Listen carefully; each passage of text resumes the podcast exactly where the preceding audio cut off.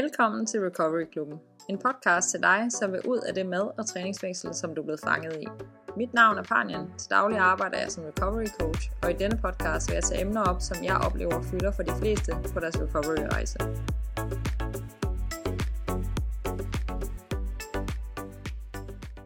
Et vigtigt vendepunkt for mig, det var på min bryllupsrejse på Bali, hvor jeg brød fuldstændig sammen foran min mand over, at jeg bare følte, at det var blevet et komplet fængsel. Det her fokus, jeg havde fået på sundhed. Jeg havde i desperation for at slippe fri fra min bulimi og mine kroniske maveproblemer, så havde jeg elimineret så mange fødevarer, at det var blevet en helt jungle for mig at finde rundt i. Og det var nærmest blevet umuligt at have et normalt liv. Jeg var blevet besat af at være så sund som muligt, i håb om, at det ville kunne redde mig. Og det var meget langt fra sundhed, det jeg var landet i. Og den erkendelse, den var ret vigtig for mig, for at starte min recovery.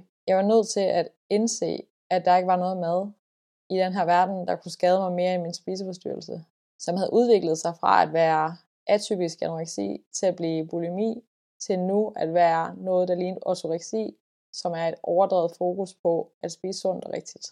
Hvis du har oplevet, at dit ønske om sundhed, eller måske at leve klimarigtigt, eller at undgå at blive syg, eller optimere dit helbred, på en eller anden måde har taget lidt overhånd, så synes jeg, du skal lytte med i den her episode af Recovery Global.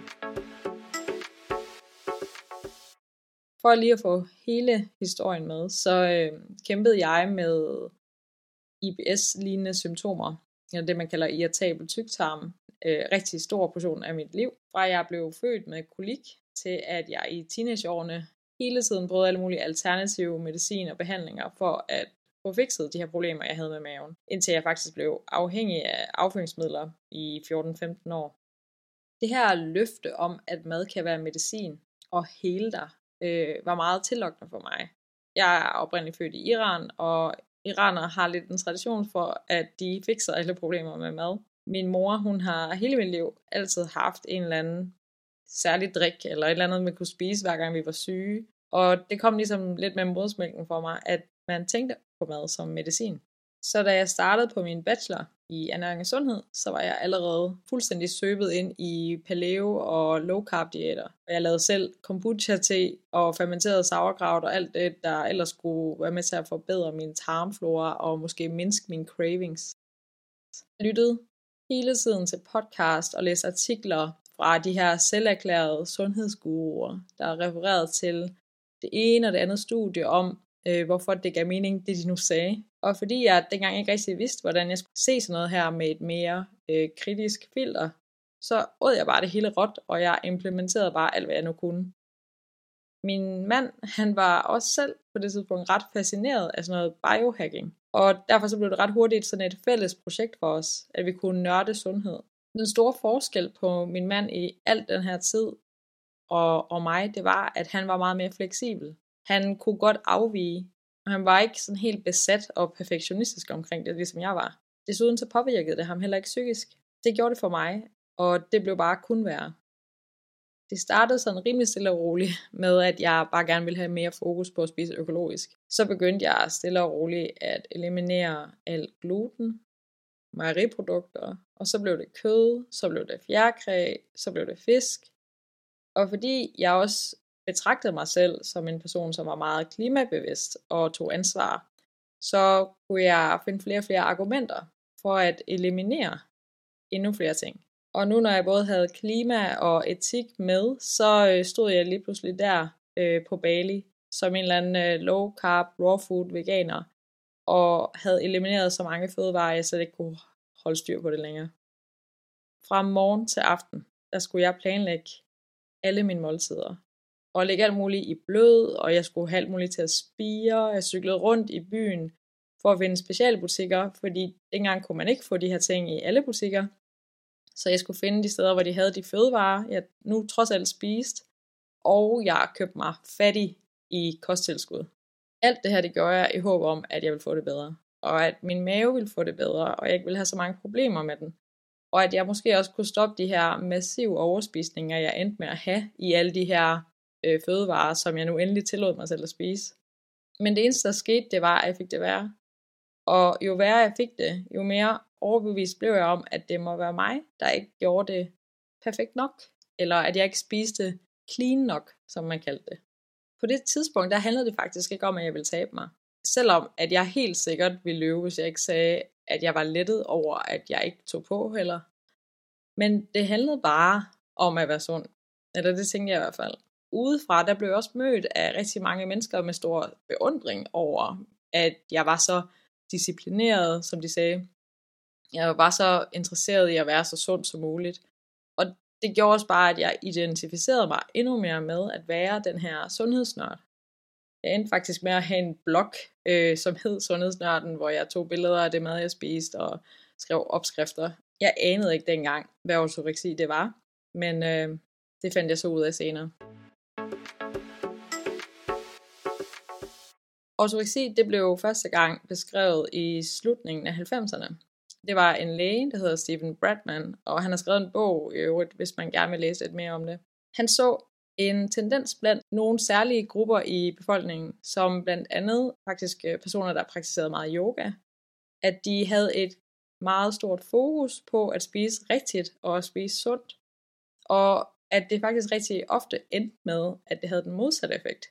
Så det viste sig ved, at de kom hos ham og havde fejlernæring og blodmangel og skrøbelige knogler, vitaminmangel. Nogle af dem manglede deres menstruation, mange havde lav sexlyst, og sådan helt generelt så mistrives de bare. Ortoreksi det er ikke officielt en spiseforstyrrelse eller en selvstændig diagnose. Men der er lavet studier, og der er endda lavet nogle danske studier, der vurderer, at op til 87.000 danskere de har symptomer på ortoreksi. Det er altså det samme, som der er mennesker, der lider af anoreksi, bulimi og BED til sammen. Så det er ret mange. Jeg laver et link i afsnitsbeskrivelsen til Landsforeningen mod spiseforstyrrelser, og de har skrevet rigtig fint om, hvad autoreksi det er, og der kan du finde nogle flere informationer omkring det. Men noget, der er vigtigt at sige om autoreksi, det er, at det faktisk betragtes som noget, der overlapper både OCD og anoreksi. Så det er en eller anden form for helbredsangst og spiseforstyrrelse blandet sammen, hvor du har et overdrevet fokus på at spise sundt, men som er stærkt præget af tvangstanker og tvangshandlinger, og hvor du bare eliminerer flere og flere fødevarer, og måske endda ender med at tabe dig rigtig meget, eller blive fejlernæret. Og i virkeligheden så er træning faktisk ikke inkluderet i kriteriet, øh, når man kigger på det i litteraturen. Men der er også et stort overlap hos de samme personer, som også har et stort fokus på træning. Det var det også for mig personligt.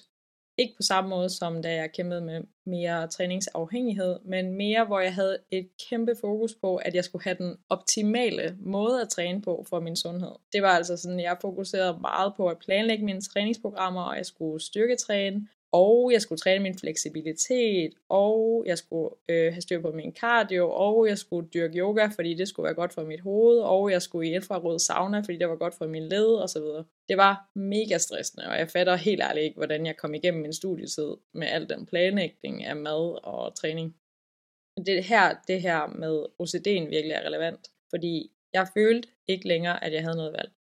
Jeg var så angst for at lade være, og det var så stor en del af min identitet, så tanken om at ikke gøre det, det var helt umuligt for mig. Og jeg fandt så også senere ud af, at øh, det viser sig, at det er rigtig ofte personer inden for sundhedsbranchen, der udvikler ortoreksi. Det er typisk unge studerende, for eksempel personer, der studerer ernæring og sundhed, ligesom mig, diætiststuderende, medicinstuderende, men også personlige trænere og fysioterapeuter og kostvejledere og yogainstruktører og fitnessinstruktører. Det skræmmende er, at det så nemt bliver usynligt. Fordi at i det her miljø, der bliver det bare forklædt som sundhed.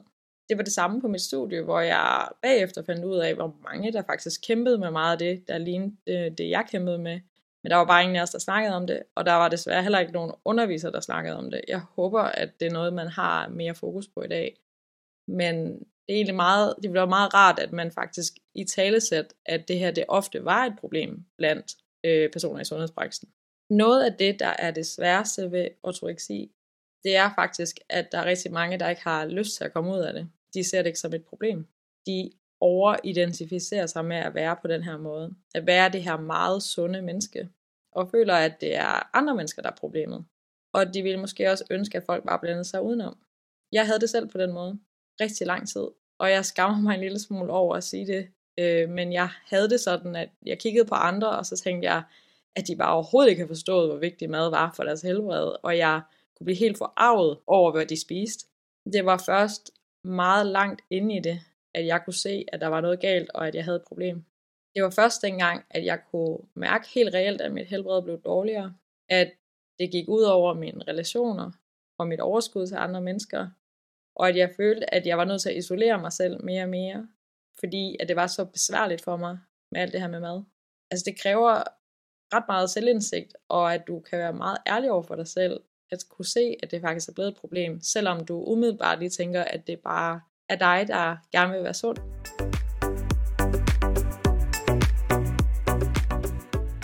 Så hvad kan du gøre, hvis du genkender noget af alt det her, og du faktisk gerne vil ud af det? Først og fremmest så skal jeg lige sige, hvis du har nogle bekymringer om dit helbred, så skal du altid konsultere en læge eller en anden professionel, der arbejder med det her. Den her podcast er kun sådan helt generel information og støtte, men du kan ikke erstatte det med, at du får personlig rådgivning eller behandling. Hvis der var noget godt, jeg trods alt lært gennem min studietid, så var det faktisk at begynde at forstå lidt omkring evidens og videnskab, at blive præsenteret for det her evidenshierarki, og få øjnene op for, at der er rigtig mange påstande, der er affødt af enkelte studier, eller måske der studier, der ikke engang er lavet på mennesker. Det var vigtigt for mig at kunne lære at være mere kritisk omkring det. Det var nok mest min indre nørd, der kunne værdsætte de her ting, men jeg begyndte også at forstå, hvor kompliceret det er at studere menneskers kost, og den effekt, det har på deres helbred sådan helt isoleret set. Jeg opdagede, at jeg zoomede helt vildt meget ind på meget ligegyldige detaljer, som betød meget lidt sådan helt overordnet for mit helbred. Og at bare fordi noget var sundt i moderate mængder, så betød det ikke, at det var mere sundt i større mængder. Og det gælder jo i virkeligheden både kost og også træning, hvor vi rigtig tænker på det som om, at øh, jo mere træning, jo bedre. Og jeg tror i virkeligheden, det er sådan med rigtig mange ting, at det kan også blive for meget og det er vigtigt, at vi også taler om det. Det kan være ret gavnligt, at du får hjælp fra en, der har en eller anden form for relevant ernæringsfaglig øh, baggrund, som kan hjælpe dig med at skille lidt øh, skidt fra kanel og udfordre de overbevisninger, du måske har fået omkring kost. Men det er i sig selv ikke nok, at du, til at du ændrer din adfærd. Det er det i hvert fald sjældent. Jeg vil helt sikkert linke til et par bøger i afsnitsbeskrivelsen, som kan være med til at åbne dine øjne lidt op for at kunne tænke mere kritisk omkring den information, du får. Men som jeg sagde lidt tidligere, så overlapper ortoreksi også OCD. Og noget af det mest gavnlige at arbejde med, når man arbejder inden for OCD og tvangstanker og tvangshandlinger, det er eksponering og responshindring, som man kalder det. Så lad os tage et sådan helt konkret eksempel. Hvis du for eksempel er bange for fedt i din mad, måske endda alle typer fedt, så vil det være det, du skulle starte med at eksponere dig selv for. Så første skridt, det vil være at lave en liste. Hvilke typer af fedt du for eksempel er allermest bange for, og hvad er du mindst bange for. Du kunne for eksempel inddele det i rød, gul, grøn zone, så alt efter hvor skræmmende det er, så er det rød, øh, mindre skræmmende, gul, grøn, mindst skræmmende for dig. Der er mange, der allerede har lidt et øh, hierarki med fedt. For mange så er det nemmere for eksempel at spise avocado eller blommen i et æg, øh, og så måske lidt nemmere at spise nødder øh, og nødesmør, men det er svært for dem at spise øh, olivenolie, og meget svært for dem at spise fedt fra almindelig smør, frityre, chips osv. Så pointen er, at du skal inddele det i øh, det her hierarki, og finde ud af, hvad er det, du egentlig er mest bange for og mindst bange for. Og så skal du planlægge din udfordring. Så du skal finde ud af, hvad er det, jeg gerne vil udfordre. Og så har man jo selvfølgelig lyst til at tage det, der er grønt, fordi det er det, der er nemmest, men man, jeg vil faktisk anbefale, at du ikke tager det, der er allerlettest for dig, fordi det skal gerne udfordre dig en lille smule. Så vælg gerne noget, der ligger i gul zone, hvis man skulle tage det her rød, gul, grøn. Og så skal du finde ud af, hvornår og hvor ofte vil du udfordre det. Og det, er faktisk, det har faktisk betydning, hvor tit du gør det. Hvis du kun gør det en gang om ugen, så vil det ikke have en særlig stor effekt for dig. Og det vil tage meget lang tid, før at du oplever den her habituering eller sådan tilvænding til den fødevare. Så det jeg plejer at anbefale mine klienter, det er, at de i hvert fald minimum 3-4 gange, men gerne mere om ugen, udfordrer sig selv med de her fødevarer. Så skal du finde ud af, hvordan vil du udfordre det? Helt konkret, hvordan vil du gøre? Hvad, hvad er din plan? Og spørge dig selv, om der er nogen, der kan hjælpe dig med at gøre det, eller om du skal gøre det selv. Og hvad vil du gøre inden det måltid, eller inden du udfordrer dig selv, under og efter, for at berolige dig selv. Det, der er rigtig vigtigt her, er, at du skal eksponere dig selv for en fødevare så mange gange, indtil det ikke længere skræmmer dig. Og når du først har det inden som noget trygt, så skal du fortsat spise det regelmæssigt, for at det ikke pludselig bliver farligt igen. Og det her det er vigtigt, fordi nogen de eksponerer sig selv. For eksempel, lad os nu sige, at man spiser blommen i ægget, og man gør det næsten hver eneste dag i to uger, og nu er det lige pludselig blevet trygt, og så stopper man helt med at spise det og går tilbage til at spise æggehvide. Så virker det ikke. Det betyder jo ikke, at du resten af dit liv skal spise det her hver eneste dag, men i din recovery-proces, så skal du faktisk sørge for, at du regelmæssigt eksponerer dig selv for de ting, som du plejer at være bange for, eller har været bange for. Så skal du selvfølgelig også indstille dig på, at du vil blive bange. Du vil mærke ubehag, dårlig samvittighed og få katastrofetanker, og alt det her, det er en naturlig respons. Sandheden er bare, at eksponering, det vil have den effekt på dig. Din hjerne, den skal trænes helt på ny i, at det ikke er farligt, og at det du frygter, der sker, når du spiser det, det enten ikke sker, eller hvis det sker, at så vil du lære at kunne håndtere det. Det man ikke gør særlig ofte, det skræmmer os mere. Hvis du ikke er vant til at øh, uh, tale i en podcast, så er det mega skræmmende første gang, du gør det. Og når du så har lavet øh, otte afsnit, som jeg har lavet nu, og måske deltaget i et par andre podcasts, så begynder det faktisk at blive lidt nemmere. Og det gælder også det her med mad. Jo oftere du spiser de ting, du er bange for, jo nemmere vil det blive. Og så er det mega vigtigt, hvad du så gør, når du har eksponeret dig selv for det. Fordi det er ikke bare eksponering alene hvis du tvinger dig selv igennem det, og du fortæller dig selv, det her det skal bare overstås, jeg skal bare spise det her, det er egentlig noget lort, hold kæft, hvor jeg er træt af Panja, hun siger, jeg skal gøre det, så ændrer det ikke dit forhold til den her fødevare. Du bliver nødt til at vide, hvorfor du gør det. Hvad forhindrer det dig i at kunne lige nu i dit liv? Eller hvordan begrænser det dig? Hvorfor er det vigtigt for dig, at du kan spise det her? Hvordan får det dig til at sidde fast i din spiseforstyrrelse, frem for at leve det liv, du ønsker at leve, ved at du ikke kan spise det? Du skal arbejde med dine tanker om de her fødevarer, og hvorfor du gerne vil kunne spise dem. Og du skal sikre dig, at du ikke begynder at finde nye måder, at du kompenserer for det, du har spist. Fordi hvis du begynder at kompensere for det, eller du laver særlige regler om, hvornår det er okay at spise det, så hjælper det dig ikke på længere sigt.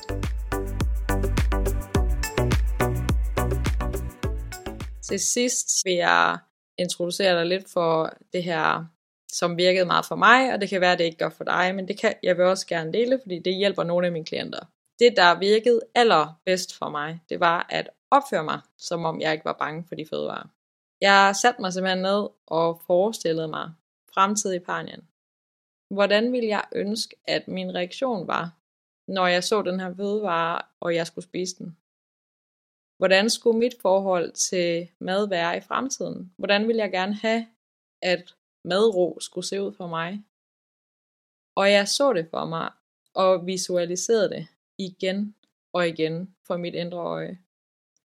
Og jeg forestillede mig og mærkede nærmest, hvor rolig jeg ville være. Og jeg forestillede mig hele scenariet, og hvordan det ville kunne udspille sig, hvis jeg ikke var bange for at spise det her. Og når jeg mærkede, at min mave den knudede sig sammen, fordi jeg blev så bange, og jeg næsten kunne mærke, at mine ben rystede under mig, så lagde jeg en hånd på min mave, og så tog jeg en dyb indånding og en langsom udånding, og mindede mig selv om, at det her det var et tegn på, at jeg gjorde noget, der var rigtigt, og noget, der var vigtigt for mig. Og det beroligede mit nervesystem meget.